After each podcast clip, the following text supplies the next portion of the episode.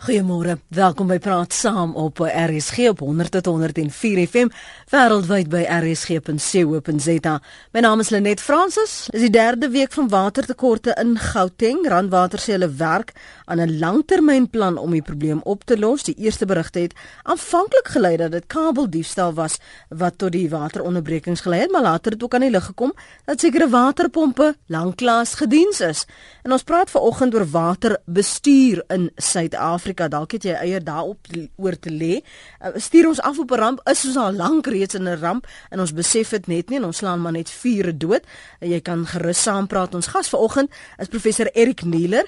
Hy is senior professor by die Departement Publieke Administrasie en Bestuur by Unisa. Hy was voorheen so 16 jaar gelede, uh, vir 16 jaar vergewe my, verbonde aan die Departement Bosbou en Waterwese. Goeiemôre professor Erik. Dankie vir jou tyd. Goeiemôre. Dit ons weet ons wel ek en Jody verskil. Ek sê vir Jody, maar ons weet ons is 'n waterskaars land. Hy sê, maar mense lyk like my blykbaar besef nie ons is 'n waterskaars land nie. Het die omstandighede vererger? Ja, beslis. Uh ek sê sê die dae wat ons gesê het ons is 'n waterarm land, het ons miskien dalk uh, so 20, 30 miljoen mense an, uh, minder amper gehad. So ek voel die feit dat die mense uh se basiese behoeftes baie baie meer gesofistikeerd geraak het. Uh, ons is nie gewoond daaraan om water by die na, naaste spruit te gaan haal nie. Ons wil lopende water binne in ons huis hê. Beteken dat die dat die vraag nou na goeie, suiwer, skoon drinkwater baie baie groter geword en ek dink dis net maar waar, waar ons owerheidsinstellings van nou net vasdraai omdat hierdie langtermynbeplannings uh uh stelsels dalk nog dalk nie baie effektief in plek is nie. Maar dit, ons ons sê dit nou al vir jare 'n mens sou aanneem omdat ons al dit predik vir so lank dat ons nou al langtermynplanne in plek sou hê wat effektief sou wees wat hierdie krisis sou ondervang. Net 'n uh, uh, net so 'n bietjie terug. Uh, ek dink die basiese voorsiening van goeie suiwer drinkwater is baie meer divers en baie meer gekompliseerd mm. as wat byvoorbeeld net uh, Eskom krag is. Jy weet Eskom krag gee vir jou krag en jy skakel die skakelaar aan of aan of af. Maar nou vir 'n vir 'n basiese diensverskaffer is byvoorbeeld uh, uh, net my maas, uh, naaste munisipaliteit vir hom om vir my suiwer skoon water te gee sowel as my sanitasie te hanteer is 'n baie baie gekompliseerde uh, um, funksies en daarvoor het 'n mens baie hoë vlakkundiges nodig. Jy het baie goeie beplanning nodig. Jy het jy het duidelike duidelike owerheidsbeleide nodig. Uh, en dit is nie iets wat jy net sommer net nou kom sê oor nag reg kry nie. Mm. Ons sit ongelukkig nou met nou met die produk van waar ons nou met 'n nuwe nuwe plaaslike regeringsvlak sit met nuwe amptenare met nuwe politieke aanspreekleders wat dalk die uh, spelreëls toe mos opgetel het mm -hmm. uh, 20 jaar gelede en dat daar uh, dalk nou 'n gebrek aan kom ons sê in, uh, institusionele uh, wat hy mooi word geheer was uh, en ek glo hulle sal opvang maar maar omdat die verskaffing van van drinkwater sowel as die hantering van jou sanitasie uh, nie net sommer oornag uitge, uitgedink kan word nie, draai ons nou vas. Ek onthou ons menseregte, handves van menseregte en as jy ook kyk na die millennium doelwitte, is dit een van die groter doelwitte dat jy toegang het tot water vir almal. Maar ja. maar 'n mens wonder in hoeverre het ons daarin geslaag om selfs die laaste 20 jaar in Suid-Afrika dit 'n werklikheid vir alle Suid-Afrikaners te maak. Ja, dan net weer eens alle alle Suid-Afrikaners sit ons met 44 miljoen mense hier of sit ons nou met nader aan 60 miljoen mense hier. Uh mm. ek dink die munisipaliteite spartel om regtig wanneer hulle eiendomme uitsit, wanneer hulle hulle die term uh, formalisering van 'n nuwe dorpsgebied mm -hmm. reken hulle kom ons sê 1000 huise byvoorbeeld, maar nou maar nou die uiteinde beteken dit dat daar met in elke huisie dalk maksimum 4 mense woon maar nou kry jy subletting en uiteindelik het jy hierdie kom ons sê informele behuising, vestiging aan van mense omdat hulle moet naby hulle werk wees, hulle moet naby hulle skole wees en en uiteindelik sit jy met hierdie uh, uh dalk 'n 30 40% meer mense wat nou wat nou afhanklik is van die water en wat druk op daardie sanitasiestelsel plaas. Mm -hmm. Ons praat vanoggend en praat saam oor waterbestuur. Jy kan saamgesels met professor Erik Nieler, hy's 'n senior professor by die Departement Publieke Administrasie en Bestuur. Uh, wat is dit wat jy die laaste paar weke veral as jy in Gauteng woon en jy's geraak deur hierdie watertekorte, wat sou beter uh, anders bestuur byvoorbeeld kon word? Ek ek wil gou vir jou vra. Ons het aanvanklik toe gehoor dis kabeldiefstal wat gelei het tot die die wateronderbrekings en toe oor die naweek weer dit aan die lig gekom dat daar net ook basiese diens van van 'n uh, sekere pompe nooit plaasgevind het nie. In hoeverre het dit werklik waar die opeenhoping van al hierdie uh, probleme net verder vererger. Presies net, maar nou weer eens, daardie pyplynstelsels was byvoorbeeld 30 jaar gelede al daar gebou. Mm -hmm. Toe daar miskien dalk uh, 50% minder minder kom ons sê vraag was, 50% minder minder huishoudings. Ja. En en en en omdat pype kan nie langer as ek weet nie enige slimme geneer sal vir jou sê hoe lank kan so 'n asbespyp hou? Hoeveel druk kan so 'n asbespyp uh, neem? Uh moet daai goed byvoorbeeld weer lopend in stand gehou word en ook nie net in standhouding nie, soos mm. wat jou soos wat jou vestigingsarea areas uitbrei, moet dit moet die moet die pypleidings ook definitief uitgebrei word. Dit dit, dit moet vergroot word. Daar moet substasies in uh, ingebou word. Daar moet die daar moet die moderne druk uh kommunikasie tegnologie gebruik word, weet wat weet wat Eskom byvoorbeeld het, dat hy kan sekere areas heeltemal af afsny mm. sodat hy dan kan load shedding fisies nou kan uh dan laat dan laat realiseer. Uh ek vermoed water is natuurlik 'n baie meer soos gesê baie meer gekompliseerd maar dat hulle wel in die toekoms ook uh, ook nou daarna sal sal uh, sal kyk. Ons kan nou nou praat oor wat is die laaste paar jaar gedoen veral as ons praat van instandhouding. Ek weet jy het al baie artikels geskryf oor waar ons fout uh, verkeerd gaan en wat ons aan aandag moet gee. Ons gaan nou nou gesels oor infrastruktuur. Ek wil net vir Andre en Jameson geleentheid gee om saam te praat. Andre môre. Môre gaan dit goed. Goed, dankie en jy. Goed, goed man. Ek wil graag net sê wat ek nou uh, wat ek is dat dis ek sê ek is al vir 60 jaar en al die jare was dit water skaarste geweest. Mm. En as ons op hierdie stadium nou nog nie dinge in plek het, dis ek nou net gesê die kommunikasie is 'n probleem en 'n ander probleem is dat uh die mense moet begin besef daar is water skaarste. En maar tot nou toe nog in soos ek sê in my 60 jaar eh, kan ek nie sê daar's werklik daar's werklike planne gemaak om uh hierdie probleem aan te spreek nie. Dis al wat ek wil sê. Baie dankie. Is is dit een van die groter probleme benewens die feit dat daar uitbreidings was wat dalk nie voorsiening voorgemaak is nie en dat dit meer druk op daardie water ehm um, tekorte geplaas het. Is dit net dat ons soos selfs nou wat 20, 30 jaar later net nie ons maniere, ons houding, ons gewoontes, patrone verander het om hierdie water skaarsste te reflekteer nie en om beter voorsiening te maak nie in ons huishoudings byvoorbeeld. Net jy is jy is doodreg, ander is ook definitief reg. Uh ongelukkig besef ons nie aldag uh waar ons drinkwater nou vandaan kom nie. Ek dink 'n mens moet ook 'n bietjie onderskei tref tussen suiwer skoon drinkwater mm -hmm. en suiwer water wat jy nou kan gebruik om jou motor te was en dit jou basiese sanitasie en dan byvoorbeeld 'n uh, uh, sanitasie rowdy woolwater wat nou afgaan na die suiweringswerke toe en dan daar moet nou verwerk word uh, voor dit nou vrygelaat word. So mm. uh, ons moet ons moet 'n onderskeid tref tussen tussen soorte water. En ek dink ons land het dalk oor genoeg water, rou water, maar hy het nie oor genoeg drinkwater nie. Veral as jy kyk hoe mense die uh, die basiese drinkwater in die strate weet laat afloop uh dat daar soveel lekkasies is dat hulle reken 30% van ons water weet raak alles nou verlore binne in stelsels waar daar nie stelsels bygehou fisies opge, opgegradeer word nie.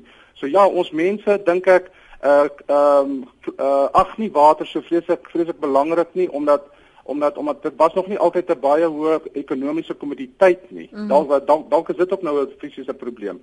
Maar ek dink as mense net meer weet waar hulle drinkwater vandaan kom, die oorsprong, as hulle meer ge, uh, meer geskoei is op die be, effektiewe bestuur daarvan deur of hulle munisipaliteit of of 'n diensverskaffer en as hulle ook kan let op die bestemming van waar waartoe hulle grijswater gaan, dan dink ek gaan ons gaan ons definitief vir die toekoms kan begin sinvol deelneem aan hierdie uh um inwoners inwoners uh deelname laat ons kan saam met ons munisipaliteite nou nou kan hulle hande verstaan dit is duidelik dat daai probleme het nou vir die munisipaliteit en vir die regering vir kom ons sê departement van waterwese en sanitasie begin nou so groot word dat hulle beslis ons as inwoners se hulp nodig het Ja, aan die einde van die dag as ons dit mors, dan kan hulle hoe wonderlike ballande in plek het, maar as ons nie 'n waardering daarvoor het nie, dan gaan dit ook glad nie uh, die enigstens die die doelwitte laat bereik nie. 0891104553.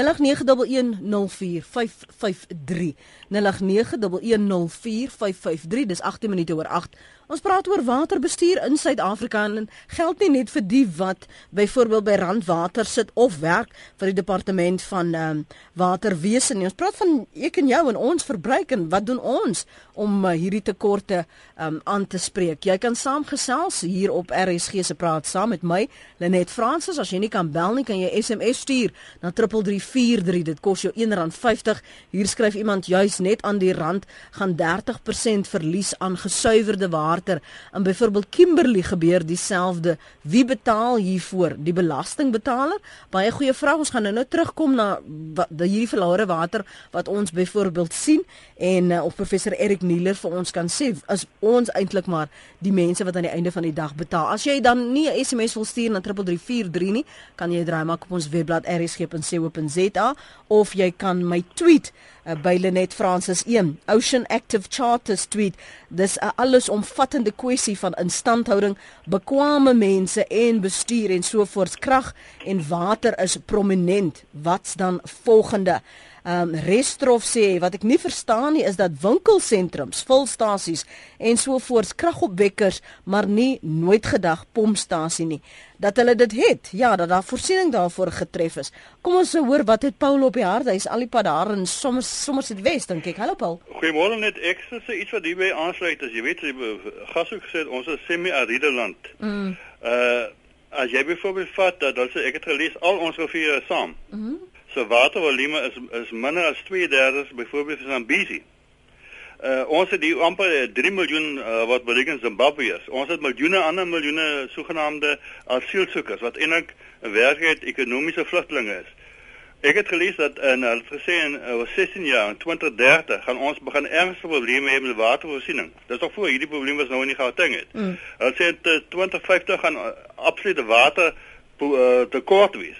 Ons kan nie voortgaan om hierdie miljoene mense ons land toe te laat terwyl hulle eie lande se regerings in die, hulle lande in die grond daar. Ek dink daans die regering ernstige aandag moet gee. Ons kan nie die mense laat kom na ons land toe wat ons nie die wat uh, semi-aride land is. Ek dink dit is 'n baie ernstige probleem wat ons vorentoe groot probleme gaan gee. Lenet baie dankie. Baie dankie Paul. Is, is dit 'n geval van die aanvraag is veel groter as wat voorsien kan word, professor? Presies. Uh, en en en ek dink ongelukkig as gevolg van ons uh, sensusse uh, uh moet die munisipaliteite byvoorbeeld presies weet hoeveel inwoners het hy binne in sy munisipale area, dat hy kan sinvol daarna die beleid nou kan toepas, dat hy kan sinvol beplan, uh organiseer, finansier, die regte mense kry, die regte beheer toepas. Maar as jy dink jy het net 'n 400 000 mense daar in jou area maar maar uh maar aan die einde van die dag is dit dalk 700 000 mm. wat wat wat almal een of twee keer 'n dag moet stort of bad, 'n toilet moet trek, drinkwater moet drink, dan gaan jy halfpad deur jou jaar gaan daai munisipaliteit agterkom maar uh daai geld wat hy nou fisies nou voor nou begroot het, is nou klaar opgebruik en hy moet nog 'n hele 6 maande in sy sy baas munisipale area daardeur uh, fisies bestuur. Didi, praat saam. Môre. Môre ja. Lenet, ja, die die is so jong, ek het nou 'n ding hierso. Ehm um, die weet hulle sê vir jou stort, nie gebruik minder water 'n bad. Kom ek nou vertel. Hierdie kinders van my, hulle is baie knorrig en hulle kyk of hulle sê wat hulle wil, maar hulle val vir ure, veral in die winter onder daai water. En ek het vertel die meisiekinders staan daar so 'n skeer benare en goed. En daai water hardloop om mekaar. Wie ek laat hom mal word. Ek dink myself, hoeveel krag gebruik hom net nie. Mm. Met my warm water laat deurgaan. Mm. Jy weet en ek weet nie uh, uh, iemand moet maar iets uitvind wat 'n stort nie miskien na na 'n minuut na half kan laat geweet lok. Weet, nee mamma, wag, dis dan in jou huis, dis dan in jou huis, dis dan jou. Ja, dit gebeur elke huis, ek het vertel. Ek was by baie mense gewees. Ek het jou vertel. Hulle net oral staan die uh, kinders. Hulle gee net nie om nie. Goed mense, hulle moet die geld betaal vir die water, die kinders mors. En ek en ouers gebeur waar ek al gekom het, ek sien jy staan die kinders en stot onder daai water. Maar maar maar dink jy nie daai bewuswording het te doen met die opvoeding wat kinders kry nie? Kyk dan net jy beweer hulle opvoed nie vir sê hulle hoor jy asseblief tog daar se watertekort. Die water is geskryf duur geword. Dis nie meer goedkoop nie. Mm.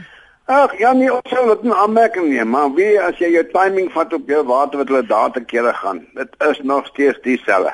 Dat net nog nie dat niks verbeter nie. tot hulle self die die die, die sak moet skud. Dan gaan hulle ook agterkom hoe duur is dinge. Maar dit laat hulle nou reeds die sak skud sodat hulle kan verstaan dat as hulle volwasse is en hulle bly op hulle eie en hulle moet water en elektrisiteit betaal, dan weet hulle ten minste wat dit kos. Jong, hulle skud al reeds sak, maar dit is ook net so in vir die dosies wat hulle betaal. Jy weet, en uh, almal in die huis moet maar eet ook.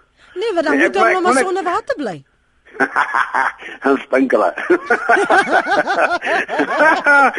nee, dit is ek weet iemand wat ding uitvind wat wat wat wat wat is so so so slop. Jy weet wat die so die water kan stop op die op op op, op elke huishouding. Want as hy net langer en langer as hom net na half wat ook al hardloop, dan moet outomaties stop en met omtrent 2 of 3 meter vat vir weer aangaan met daai dis die sepel droog in jou lyf dan waar stort jy jy baie van. Ja, amper soos 'n uh, een of ander gadget wat afsluit. Daar sê. In 'n sekere millimeter water wat gebruik is of nou tyd ja, wat spandeer is. Daar's 'n inisiatief vir iemand wat engineering is, jy weet hulle kan gou geld maak met die storie. Goed Didi, dankie vir die saampraat. Lekker okay, dag hoor. Totsiens. Dankie man. Bye. Dis 24 minute oor 8 is Didi se se voorstel daardie en praat natuurlik oor die uitdaging in sy eie huis om die kinders sover te kry om net by die reëls te hou. Maar ek wil net gou teruggaan na ons het gepraat oor die hierdie eh, die voorraad, die die aanvraag en dat daar sekere tekorte is. En jy het net nou gepraat oor instandhouding, pypleidings en so aan. In hoeverre kan 'n mens daai goed regtig beplan in 'n munisipaliteit? Kom ons veronderstel ons gaan van die hipotese dat ons weet nou hoeveel mense in hierdie munisipaliteit woon en vir wie ons moet water gee.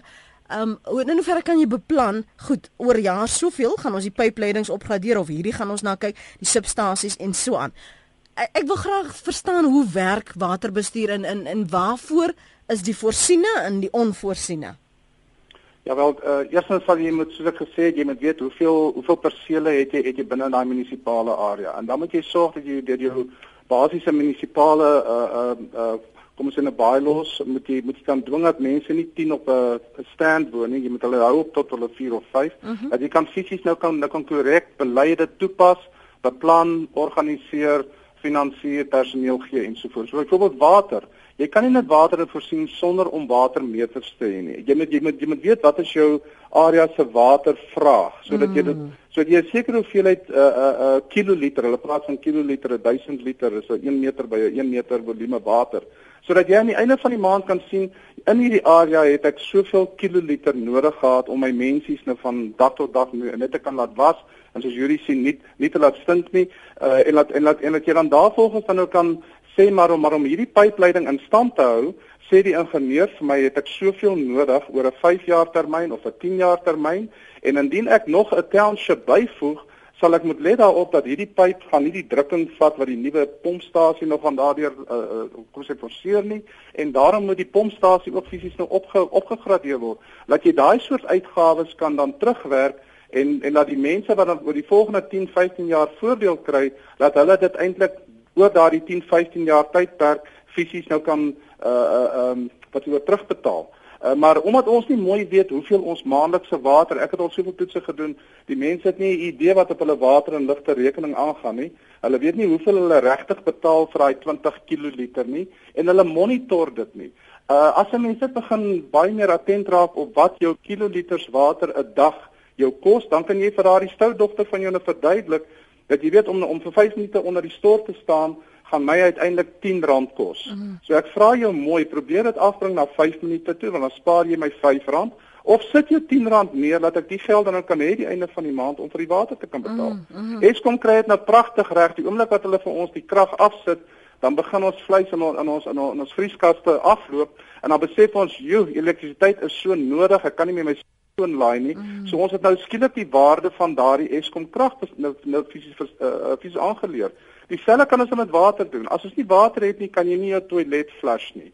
En skielik 'n week later kom jy agter wie wat ek kan dalk sonder Eskom krag gaan, maar ek kan pragties nie sonder water gaan nie. Hmm. En ek dink dis maar net 'n mind change weer wat ons as mense sal moet doen. Ons het ek dink miskien baie baie bederf geraak omdat ons water op ons voorstoep het mm. en omdat ons nie altyd die waarde en koste daarvan besef nie want ons munisipaliteite en ons departemente doen hulle bes, maar ek dink die vraag is net te groot en dan nou die probleme as gevolg van swak beplanning, swak instandhouding, korrupsie, diefstal, lekkasies ensovoorts bring dan meer dat daai munisipaliteit sonder 'n ramp en risiko bestuursplan kort kort in so 'n gemors gaan sit wat so wat brandwater sowel as waterwese nou mee sit. On, ons gesprekspunt vanoggend is waterbestuur in Suid-Afrika of ons op 'n uh, waterramp afstuur en Paul het verwys na 2015. As jy so kyk na voorspellings en vooruitskattinge wat gemaak word, is dit ons um, ons voorland? Ja, beslis. Onthou die mense wat daardie vooruitskattinge doen, dit is dit is dit is scenario ontleeders, dis nie mm -hmm. mense wat die feite nou uit hulle duime uitsuig nie en hulle het hulle hulle werklike werklike feite daarvoor en ons moet gehoor gee daaraan. Ons moet in weer eens dis hy dit dis hy dis my oorspronklike stelling van jy moet weet wat jou bestemming, bestuur sowel as oorsprong van jou water is. Jy moet jy moet jy moet fisies betrokke raak by daai munisipaliteit van jou. Jy moet vra begin vra. Jy moet hulle hande sterk. Want dan kan jy dalk nou sorg dat jy oor 15 jaar deel van die oplossing is mm. in plaas van deel van die probleem. Ja. Uh, hier vra Mervin van Eerste Rivier vra net vir kinders hoe kan 'n mens uh, weet wat watersuiwer om te gebruik wat 'n mens opvang deur die winter? Uh hoe kan 'n mens water suiwer? Okay, goed, so dit wat opgevang word om dit uh, te suiwer om dan te kan gebruik. Wonderlik, 'n uh, uh, reënwater oes, dit is rainwater uh, rainwater harvesting is 'n baie baie goeie goeie manier weet om water sensitief te raak, maar jy moet net oplet van waar die water val. As dit as as dit op 'n erg besoedelde dak val waar daar miskien baie voelmis is, en daai foamus beland in jou geet en dan in die watertank, dan is daai water goed genoeg vir byvoorbeeld sanitasie of dalk vir jou tuin. Maar dit is nie goed genoeg vir jou om dan nou fisies te drink nie, want want um, onthou foamus kan definitief lei daartoe dat daar dalk wurms binne binne in daai water ontstaan. So daai water is net om jou lading op op jou op jou tuin en op jou motorwaswater te kan verlig, maar jou drinkwater moet jy altyd ag uh wa selfs water wat uit boorgate uitkom, grondwater. Departement van Waterwese het al jare gelede gesê ons behoort alle water wat uit boorgate onttrek te word as besoedel te beskou totdat ons dit laat toets. Indien jy dit laat toets, weet weet jy stel chemies vas dat daar dat daar nie uh, baie baie skadelike onsuiverhede is nie, dan kan jy selfs jou boorgatwater drink in in tye van krisis. Mm. Maar ek sal sê alle grondwater omdat ek self by by geologie gewerk het, um, is dit veiliger vir al ons wat dalk miskien 'n bietjie 'n bietjie sensitiewe gestelle het om nie boorgatwater ook te drink nie alvorens jy dit getoets het nie. So dit is 'n baie baie uh um uh kom ons sê baie sensitiewe saak van dat jy moet onderskei tref tussen tref tussen gewone water en drinkwater. Jy kan nie sommer enige water net in jou keel afgooi nie. Ja. Jy moet doodseker maak dat dit dat dit suiwer en veilig is vir jou. Professor Erik Miller is 'n senior professor by die Departement Publieke Administrasie en Bestuur by Unisa. Hy was voorheen uh, so vir 16 jaar verbonde aan die Departement Bosbou en Waterwese. Jy luister na Praat Saam. Dis nou 29 minute voor 9. Ek is Lenet Fransis. Waar waterbestuur in Suid-Afrika stuur ons af op 'n ramp. Die derde week van watertekorte in Gauteng. Ons kyk na die weer. Dit lyk asof dit 'n uh, bietjie gaan reën, maar sal dit voldoende wees vir die wat afhanklik is van reën? En ons uh, ons is, ons huishoudings is. Ons praat oor hoe en waar en wanneer en wat kan ons beter doen? Jy en ek, maar ook die wat aan hoof staan in die departement van waterbestuur, byvoorbeeld departement bosbou en waterwese. Johnny en DJ, kom ons hoor wat het julle op die hart vir ons 'n breek neem? Johnny praat gerus. Hallo uh, Lenet. Ja, ek wil net ek wil net 'n punt maak. Een van die vorige inbellers wat gepraat het vir die kinders wat so lank onder die stort staan en al daai goeters en die kinders wat water mors.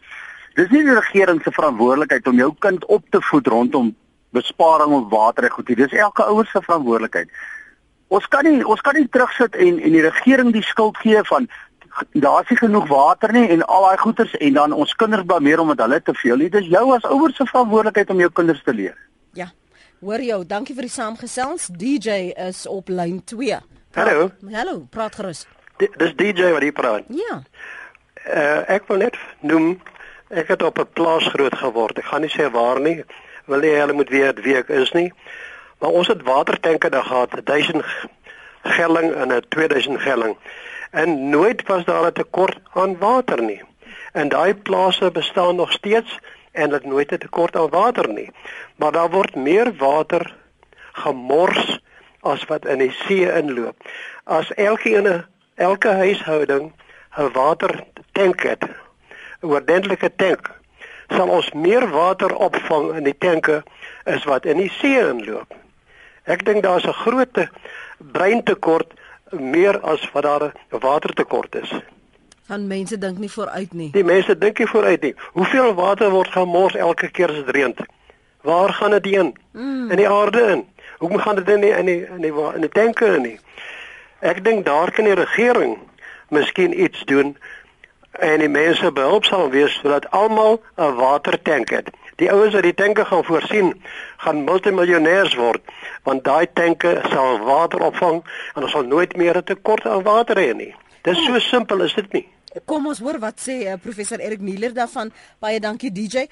Het dit te doen met die beplanning want die enigste tyd wanneer ons werklik watertank sien is wanneer 'n krisis is en die water moet aangedra word na die woonbuurte toe professor. Presies. En jy weet die mense wat aan daar daai watertanker staan, hulle is daar om drinkwater eerstens te kry. Ek het ek gelees van die man wat nie water toe vir sy honde eers het nie, so jy's daar vir drinkwater en net om jou sanitasie dan in die gang te hou.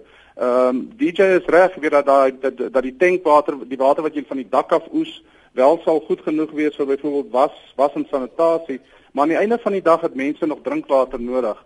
En ek dink dit is ons uh, uh kom ons sê grondwetlike reg uh dat ons toegang tot Eh, tot tot sulke veilige water moet hê. En ek dink dis nou waar ons in die toekoms binne in munisipale owerhede sal hulle moet onderskeid tref dat uh, uh soos wat die nuwe minister nou eendag gesê het van van die van die departement aangaande munisipaliteite uh um ehm um, dis ons wie is vorige minister van finansies ek was in hande van vergeet maar hy het nou gesê dat die munisipaliteite moet nou daarop let dat hulle is 24 uur aan diens en hulle is daarom nou vir hulle op hulle munisipale inwoners van dienste te, te kan lewer binne hierdie geformaliseerde netwerk en vir dit beteken dit water veilige sanitasie, veilige hantering van die stormwater, elektrisiteit ensovoorts. Mm. En uh dit is 'n basiese reg wat het. Anders kan ons later aan sê maar jy weet uh, binne in ons munisipale areas ons glad nie tevrede met ons munisipaliteit nie. Ons moet ons moet 'n ander 'n ander diens uh, diensleweraar kry. Mm. Dis Pravin Gordon wat wat uh, nou by Gordon. samewerkende nee, is nie ja, samewerkende regering en dit kom na aanleiding juis van hierdie audit verslag van die ouditeur-generaal wat gepraat het oor hoe wanbestee munisipaliteite ehm um, die geld wat hulle het, hulle begrotings. Nou in in hoe in hoeverre sou jy dan sê dat die tekorte wat ons het, het eintlik ook indirek te doen met die wyse waarop munisipaliteite daardie begrotings en waterbestuur ehm um, hanteer die laaste ruk? Definitief, dit is dit is beslis 'n feit uh, daar uh, kom ons as gevolg van die foutiewe aanwysings, foutiewe mense, al jou al jou institusionele uh, uh, uh, opgeleide geheue weet wat nou weg is. Uh dit om onthou om met water aan watersake te werk, eh, sowel as sanitasie verg 'n sekere soort kundigheid, 'n sekere soort tegniese vaardigheid. En ek dink ons het daardie verloor. Deur nou net 'n suiwere 'n munisipale bestuurder aan te stel wat net kan bestuur, wat nou maar net 'n leidbepaling is, uh, beplanning, organisering en so voort, verloor jy die tegniese kundigheid. Jy kort aan die einde van die dag daardie loodgieter wat met sy hande vuil maak om die pype vir jou te gaan te gaan regmaak. Mm. En dit moet 'n loodgieter wees wat nou bereid is om op 'n Saterdag aand dit te doen. Hy moenie net 8 weet 8 ure 'n dag, 5 dae 'n week werk nie. Hy moet soos Trevor sê 24 uur 'n dag aan diens wees. Kom ek lees van die e-pos wat ons ontvang het by rsg.co.za. Chris skryf: Ek was 20 jaar gelede al tot bewussin geruk in Nederland waar die stort in die hotel met 'n munt werk wat presies 5 minute toelaat en hulle is 'n waterryke land. Ek onthou ook waterjaar in die 70s toe ek op laerskool was. Dit het my bewus gemaak van ons land se watersituasie. Kan ons dan nie weer so iets in ons skole doen nie? Johanna sê die toestel om water te stop is reeds in Europa. Jy koop iets soos 'n muntstuk om dit te kan stort, dan sny die water uit na 'n minuut tot de, tot 3 minute. Anna Marie sê Lenet, ons het 'n stortkop vervang met 'n stortkop waarop jy 45% bespaar op die hoeveelheid water wat jy gebruik in 'n stort. Uh te koop by die meeste handelaars wie krane verkoop, glad nie duur nie en dis die moeite werd. 45% wat jy kan bespaar sê Anne Marie hierson. CJ van Huisteen sê in 'n vorige program het 'n inbeller voorgestel dat vlieëniers van inkomende vlugte asseblief die passasiers daarop moet wys dat Suid-Afrika 'n halfwoestynland is en dat besoekers asseblief moet meewerk om ons water omsigtig te gebruik. Ek meen dat dit 'n baie goeie voorstel was en weer aandag kan geniet ek stem mee absoluut saam CJ maar ook selfs in sekere hotels as jy tuis gaan dan kry jy daarso 'n um, 'n kennisgewing met jou kaart jou instapkaart om vir jou te sê asseblief respekteer die feit dat ons probeer water spaar. Dit gaan moeilik, jy weet, sekere instellings, ons moet dit respekteer. As 'n mens net daai bewustheid kan begin kweek dat ons almal ons deel bydra dan sal dit nie nodig wees om om die hele tyd te hardloop in 'n in 'n stortkop te loop soek nie. Ons praat vanoggend oor waterbestuur in Suid-Afrika of op ons, ons op 'n ramp afstuur. Uh, my gas vanoggend is professor Erik Nieler. Hy het vroeër gepraat oor dit hang ook van die kwaliteit van water. Ons moet praat van suiwer, skoon water. Ons praat van sanitasie. Dit moet gaan oor beskerming, die bestuur en die oorsprong van daardie water. Mense van ons weet nie eintlik waar ons water vandaan kom nie. Nou, hoe gaan ons self Hoe hoe gaan ons onsself inlig sodat ons daai water beter kan bestuur in ons in ons huishouding byvoorbeeld professor? Ja, dit is nie uh baie keer is dit is dit 'n uh kom ons sê 'n rock science, maar dit is nie 'n rocket science nie. Ja. Jy kan jou jy kan jou naaste munisipaliteit vra om net regtig vir in 'n leuke taal op 'n leuke sketsie vir 'n mens te verduidelik van die oorsprong van jou drinkwater. Hy sal dan vir jou verduidelik dit kom die ons in hier vanaf Lesotho Hoogland deur na Valdam toe dan het Randwater se moeite om dit skoon te maak en dan die pypleidingstelsels. Hulle kan vir op 'n baie eenvoudige manier grafies dit nou voorstel wat jy al op het om sê graad 7 vlak in die skool kan begin toepas. En dan uh, volgens volgens dit kan jy dan nou definitief die mense stadig gaan oplei en dan nou opvoed dat hulle dat hulle asseblief met water as baie baie skaars moet hanteer. Jy sien ongelukkig askies uh, uh, net net vinnig terug hierdie hierdie van om die stortkop teenoor die bad. Ons moet net onthou ons ons praat hier weer van twee dinge. Daai is nou op 'n mikro mikrobasis wat jy nou binne in jou huis bespaar. Mm. Maar dan moet ons sensitief wees as ons hier in die area indry en ons sien 'n brandkraan is stikkend en hy loop nou al vir 2 of 3 dae stroom daar 'n stroom water uit wat ons almal kon 5 keer 'n dag mee mee nou kon bad binne in daai area. So ons pas op dat ons nie die mikro nou verwar en dalk net 'n druppel aan die emmer spaar, mm. maar ons laat in die groter prentjie areas uh, toe waar daar verskriklike watervermorsing is en wat die een die een man gesê dat die water letterlik dan net ondergronds verdwyn en uiteindelik dan in die see mm. terugloop. En aan die einde van die dag is die belastingbetaler wat nog steeds daarvoor moet betaal. Beslis, ja. CJ en Andre, ons is nou nou by jou. Ek wil net vinnig vir jou vra met jy nou verwys het na Lesotho Hoofland, is ons dan te afhanklik van van Lesotho vir water? Nee, onthou Lesotho is maar nou net so afhanklik nou van ons wat nou die wat weet wat die stelsel daar nog gaan bou, die damme daar gaan bou. So dit is 'n wen-wen verhouding dan vir al twee lande. Mm. Maar ja, dit is 'n baie sensitiewe uh kom ons sê verstandhouding en 'n mens moet dit baie baie mooi na bestuur vir vir die langtermyn. Uh ons moet net onthou dat ons het nie net damwater wat ons drink nie. Ons het grondwaterbronne in hierdie land. Uh water wat nou ondergronds byvoorbeeld binne in die Dolomiet uh uh lê wat ons kan as ons dit sinvol bestuur, kan ons dit sinvol benut vir tye van krisis. Uh maar maar ja, ek weet op hierdie stadium is ons Lesotho Hoogland skema vir ons die die mees goedkoopste vir die langtermyn, maar dit sal uh, maar ons moet definitief let op die op die internasionale bestuur daarvan. CJ praat saam. Goeiemôre Lenet. Môre. Aan jou gas. Lenet nee, uh die vraag vanoggend. Ons as as uh, uh mense kan hoe water bespaar. Maar die vraag is, het ons die vaardigheid in die land? Het ons die wateringenieurs? Het ons die regte mense in plek? Ek sê nee, ons het dit nie.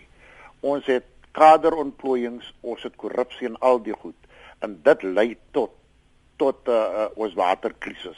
Die vraag is vir vandag wat ons vra is is ons in 'n waterramp of krisis nie. Ons is in die krisis uh uh net. En uh, laat ek vir jou sê hier in die Weskaap. Toe die ANC die Weskaap regeer het, het ons 'n waterkrisis gehad. En van 2009 af was dit 'n omkeer toe die DA hier oorgevat het en ons het nie 'n waterkrisis in die Weskaap nie.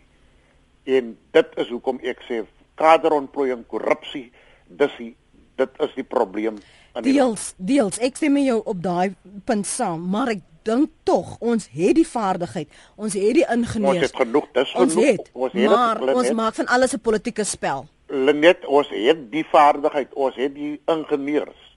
Ons het die wateringenieurs. Maar hulle word nie uh, in diens geneem nie. Dit word kaderontplooiings en dit is wat uh, uh, lei tot ons waterkrisis. Ons het water. Ons kan die land voorsien van water maar die regte mense is nie in plek nie hulle net. CJ se mening daarvan Woester en dan op Rustenburg praat ons met Andrei. Andrei? Môre net. Uh, ek ek kan nou vir vir die luisteraars 'n bietjie ervaring gee. Ek is 'n gekwalifiseerde loodgieter en ek uh, was in diens van 'n uh, plaaslike owerheid mm -hmm. as voorman van die riool en sanitasie afdeling.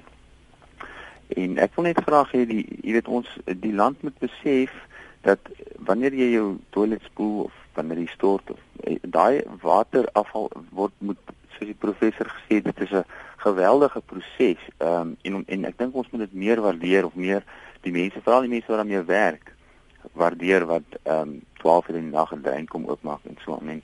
Dan wil ek net ook noem ehm um, ek het ewers gelees uh, wêreldwyd sterf daar omtrent 5000 kinders as gevolg van swak sanitasie en, en riool en so. Ek dink aan lande soos Indië en so aan en ek kan myself voorstel dat dit moontlik is en ek het my sê ek was altyd uh, baie fed up geweest by die munisipaliteit as die electricians ehm um, die hulle kry die shine as ek dit so kan mm. stel in die loodgieters en wat die mense wees wat met die vuil werk doen maar die begroting van die munisipaliteit gaan baie keer meer na die elektriese afdeling as na die watersanitasie toe vra.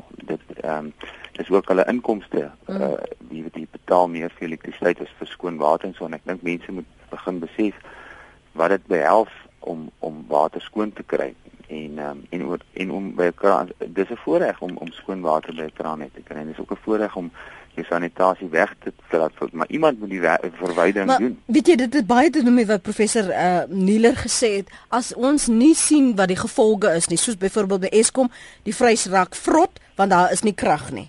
As ons nie die gevolge sien en ervaar in ons lyf nie, gaan daar nie 'n kop skuif kom nie. Want ja. dit ons is mos nou die kreefrak gewoonte aan. Ons maak die hmm. kraan oop en daar is die water. En skielik vir 3 weke is daar nie water nie. En skielik besef jy die impak wat dit het op jou lyf, jou jou ja. keuses, um net die dag tot dag bestaan van jou huishouding en familie. Ek ek hoor op op die, op die nuus van die inwoners sê wel ons is bekommerd ons gaan diarree kry.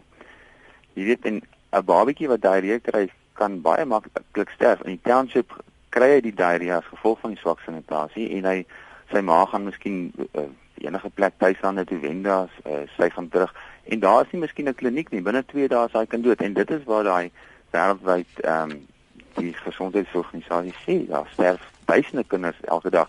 Daar sterf nie duisende kinders van elektriese shocks byvoorbeeld nie. Elektrisiteit kry so baie aandag, maar wat van die daai ongesiene mense sien nie die Ebola kiem nie. Jy sien dit nie. Ja, jy, jy, maar jy weet jou kinders sterf daarvan en ehm um, en dit kan baie maklike daar kan positiewe die regering kan sê wel ons gaan dit vasvat met met bestuur en so voort. Ehm um, een rustig doen hulle baie goeie uh, jy weet ons kry nuwe watermeters en mm. en nou is begroot daarvoor maar jy weet ehm um, uh, daar daar ek daar die die man die vorige uh, inskakelaar wat gepraat het van die Weskaap ek kan maar vir jou sê die politieke ding wat altyd ingesteek word is maar dit kwessie maar in die Weskaap is waar ek het in die Weskaap by munisipaliteit gewerk en ek kan vir jou sê net daar is maar baie in die township byvoorbeeld daar was daar was gewelddadige betogings geweest en ek het baie aandag gegee ek het probeer my bes doen in die township ehm um, maar die DA area wat as ons nou praat van die vorige luisteraar praat van die politieke stories ek ek vermy dit om politiek te praat maar ja. ek gaan tog net noem dat jy kan gaan kyk ehm um, daar's daar's skoon skoon toilette, daar's toilet reinigings, daar's toiletpapier self in in sekere areas in die Weskaap. Ehm um, in die goeie areas en in township mense wat oproerig raak het 'n punt. Daar's daar's vaai toe ek begin het daar, by my munisipaliteit was daar glad nie. Daar was eenhede wat wel daar is, die fasiliteite is daar, maar die toilet is geblok as klip in die pype net vir jare lank die riool in die township net ingeloop. Ja. Dit is hartseer, jy weet my en en daai mense wat so betoog en so on het werklik 'n punt. Ek ek dink ons brandmerk hulle en en so maar maar mense moet die moeite doen en gaan kyk hoe lyk dit in, in in hulle areas en en bietjie simpatie toon met mense wat op die bucket system is en so. Dankie vir jou insig, dankie vir die uh, ervaring wat jy gedeel het, Andre, wat saampraat. Mense besef eers wat die waarde van water is tydens 'n droogte. Ons het 'n paar jaar gelede 'n ernstige droogte in, in George gehad en al loop ons dan nou uh, oor, al loop ons dam dan nou oor, is ons steeds besig om water te spaar. Dis Poppy van George. Anoniem sê die probleem is die kinders leer wel hierdie goed op skool, maar ouers doen die take vir hulle. En dis waar die probleem inkom. Julius Kleinhans tweet en ek wil graag jou mening hierop hoor professor uh, Erik Nieler. Hy sê Afriforum meen dat onafhanklike reguleerder privatisering van waterdienste beleidsverandering en opvoeding die oplossing is. Ons het al geraak in die beleidsverandering, ons het geraak in die opvoeding. 'n Onafhanklike reguleerder en privatisering van waterdienste, is dit ons voorland? En as ons dan privatisering van waterdienste praat, is dit dan nie weer van die wat het en die wat nie het nie en die wat kan bekostig en die wat net nooit dit sal kan kan bybring nie? Presies net omdat dit 'n uh, grondwetlike reg is wat ons het, is dit is dit gevaarlik om dit daarna kom sê privatisering uh, net te laat gaan. Huidigelik uh, is daar wel 'n private instansie wat vir ons die dienste lewer, maar ek voel tog dat die dat die nasionale regulering moet daarom nog na van van op die sentrale vlak afkom. Anders uh, kan ons dalk soos areas waar die wat het net nog meer het en die wat net net nie swakker gehalte het. Ek kan net vinnig genoem uh, Andre en uh, sowel as CJ is weet is heeltemal reg met alles wat hulle gesê het uh, en en dit sluit aan by daai punt van my eerstens ons moet bewus raak van die oorsprong van ons water. Ons moet tweedens bewus raak wie is in beheer van die bestuur daarvan. En derdens waartoe gaan my grijswater? Ek dink as ons net 'n bietjie meer daarop let, gaan ons al klaar begin sinvol nou kan beplan. En dan net laastens net gevindig daar byvoeg, ons moet ons moet gereed wees vir vir hierdie soort krisisse. So gaar maar 'n bietjie water op daar in jou daar in jou badkamer. Hou daai bad altyd so 3 kwart vol.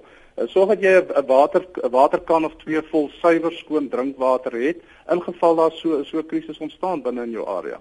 Kan 'n mens byvoorbeeld net so wat 'n emmer nou nie 'n emmer emmer nie. Jy 'n tank draagbare tank wat jy in jou tuin kan sit. Um en net vir wanneer dit reën dat jy tog daai water um, sinvol byvoorbeeld sou kon aanwend later. Skitter en daai water moet jy moet jy ek sal sê primêr gebruik vir eersins jou sanitasie. Al jou al jou al jou toilette kan jy dan daai water vat en dan nog 'n boor nou ingooi en dat jy nou nie die gewone water uh uh um um tap van hmm. uh, ek weet om dit kan met toilette laat afspoel nie. Dat jy net water wat nou deur die stelsel na jou toe kom gebruik vir vir drinkdoeleindes. Dis beslis 'n ongelooflike besparing. So mense kan dit byvoorbeeld by by 'n winkel loop kry. Jy kan lieflike tanks deesdae koop. Jy kan jy hoef nie staal te gaan, jy kan mm. al kom ons sê plastiek gaan wat vir jou baie goedkoper is. En soos ek sê, as jy die water oes wat van jou dak af kom via die geute, dis 'n ongelooflike manier van hoe jy kan water bespaar vir jou huishouding.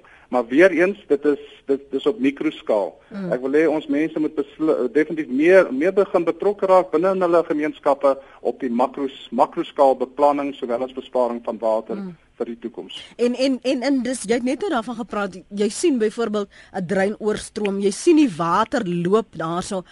Maar jene, jy sê jy het iemand anders gaan bel of die munisipaliteit kyk nou weer vir die munisipaliteit. Hulle wil dit nou net kom uitsorteer en dan gaan jy maar net weer op, op jou eie gang.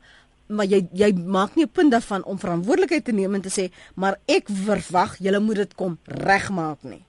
Beslis. Dis uh, weer eens mm. weer eens al die al die, die blou uh, blou skerpioene wat ons het, al die, die groen skerpioene. Ons moet daar wees om ons munisipaliteit se hand te sterk. So as jy soos jy iets sien weet wat daar gebeur, neem 'n foto, ry na die munisipaliteit toe, sorg dat jy binne 'n uur daar met iemand praat wat nou regtig op die grondvlak is wat nou vir jou kan sorg uh, goed ons gaan nou 'n loodgieter uitvat so intoe kom wys ons die plek en probeer die ding regstel. Hmm. Hou van die idee van 'n groen skerpioen. Klink so magtig. Ben, kom ons hoor wat het jy op die hart môre? Ben. Môre is dit uh, sit hulle net. Dit is ja, ek luister na jou. Dis tog Ben van Rustenburg. Nee, ek wil net uh oor die kwessie van die dakwater na die tanks toe. Dit is ongelooflik baie water wat daar in wat daardeur opgegaar kan word. In 1970 het ons ook 'n waterkrisis gehad. En dan was ook 'n bespreking daai oor die radio gewees en my oorlede pa het gesê want ek sit altyd ek drink net 'n halwe glas water nie want uh, dit dit is dit is 'n klein manier van besparing. Toe hy watertanks gaan koop en dit om die huis opgesit en dis op die eind gebruik vir besproeiing. Toe ek nog groot word en my eie plek het, het ek maar presies dieselfde gedoen. Ek gaar op die stadium 88000 liter water op. Mm dit kom van af my plaveisselwater, dit kom van my dakwater en as mens hier 'n stortby kry van 20 tot 30 minute loop my tanks oor. Hoe lank gelede het jy daarmee begin? Ek het myne so 25 jaar terug opgesit. Hm. En ek gebruik dit op die stadium basies net vir besproeiing. En uh want die mense om my op die verder in die straat af het boorgatwater en ek kon daai tyd in my omgewing kon dan nie boorgat kry nie boorgatwater kry nie. En uh, toe ek maar besluit op dit die alternatief wat wat my pa raai tyd gedoen het. Mm. mm. En uh, my tanks opgesit en ek sê 25 jaar terug wat ek dit nou al so gebruik en uh goed ek het net ek kan nie net my sentrifugale pomp aanskakel want ek het nou 'n uh, put agter gegrou 'n groot gat waar al die water bymekaar kom is dit oorloop daar en my tanks is nog nie vol nie skakel ek die pomp aan en ek pomp my ander tanks vol en dan van daar af kan ek my tuin besproei wat uh, wat dan 'n onsaglike besparing van water is. Absoluut. Ben, dankie vir die saamgesels vanoggend. Waardeer daardie oproep van jou. Praat saam net met my besoek aan Taiwan het ek gesien dat jy nêrens maar nêrens toiletpapier in toilette mag gooi nie. Oral word drommetjies daarvoor geplaas, selfs binne privaat huise. Dis Ulyn van Tilbag wat dit skryf. Munisipaliteite skryf uh, anoniem van Mosselbaai moet dit verpligtend maak dat elke huisplan wat goedgekeur word 'n tank moet hê. Dan sê Willem mense wonder soms hoeveel water 'n mens van 'n dak af kan opvang. Ek het met my dak en tanks uitgevind 25 mm reën op 300 vk meter dak gee 'n 10000 liter water. SP sê ons wag tot iets stukkend is om uit te vind daar is geen geld oor vir herstelwerk nie. En dan van Kemp in die Kaap wat wil vra as ek dan nou tankwater kook, is dit dan veilig om te drink professor? Uh liewers nog nie. Uh ek uh, jy kan as jy nou regtig as dit nou doodsake is, dan kan jy 'n nou bietjie water daarvan drink, maar uh, dit is nie altyd net 'n nou oplossing nie. Onthou dat dit dit gaan oor daardie chemiese elemente binne in die water wat vir jou definitief uh kom ons sê basiese E. coli uh, uh virus kan dalk nie nou uh, soms sommige virusse leef juis by daardie hoë hitte. So dis nie altyd veilig nie. Maar ek ek kry die idee van môre dat jy sê as ons saamwerk met ons plaaslike bestuur met munisipaliteite en ons eie houdings verander en wat ons uh, hoe ons water bestuur in ons huise, dan is dit nie onvermydelike net dit is ons voorland, dit gaan 'n ramp wees nie. Ons het ons kan iets omtrent dit doen, ons word nie uitgelewer nie. Beslis net ek, uh, ek ek bedoel ons moet ook nou betrokke raak dat die munisipaliteit besef hulle moet die regte kundiges werf, hulle moet die regte mense aanstel Hulle moet die regte mense oplei vir dit omdat omdat ons as gewone munisipale inwoners se belang hang hang daarvan af. Professor baie baie dankie vir jou tyd vanoggend hier op Praat Saam. Professor Erik Nieler is 'n senior professor by die Departement Publieke Administrasie en Bestuur by Unisa. Hy was voorheen 16 jaar verbonde aan die Departement Bosbou en Waterwese. Dankie vir jou insigte vanmôre. Waardeer dit. Lekker dag verder plesier. As jy na die program weer wil luister, daar's baie praktiese wenke wat ons luisteraars gegee het, maar ook ander vrae wat ons tog onsself moet afvra. Is net reg dat ons ons houdings verander. Ek hou van die term van oeswater. Um en wat ons kan doen op 'n klein skaal, 'n mikroskaal soos professor gesê het en dan ook op 'n makroskaal. So luister gerus weer na die potgooi by rsg.co.za vir die wat ek uh, hertweet het. Onthou, dis nou nie omdat ek met jou saamstem nie. Dis net sodat die die weier publiek, die wat vir my volg by Lenet Francis 1 kan sien wat jy te sê het en dat ons hierdie gesprek gehad het. Beslis 'n ramp het Anne Marie getweet munisipale begrotings vir langtermyn watervoorsiening word telkens wan aangewend. Ek dink dis 'n punt wat ons ook vroeër gemaak het. Pypebars gereeld 'n tweet Hester Steyn in die dorp en loop vir ure in die pad af voor die munisipaliteit 'n plan maak om mense te stuur. Dis onaanvaarbaar. Sit op hulle Hester dat hulle 'n punt daarvan maak om dit uit te kom sorteer.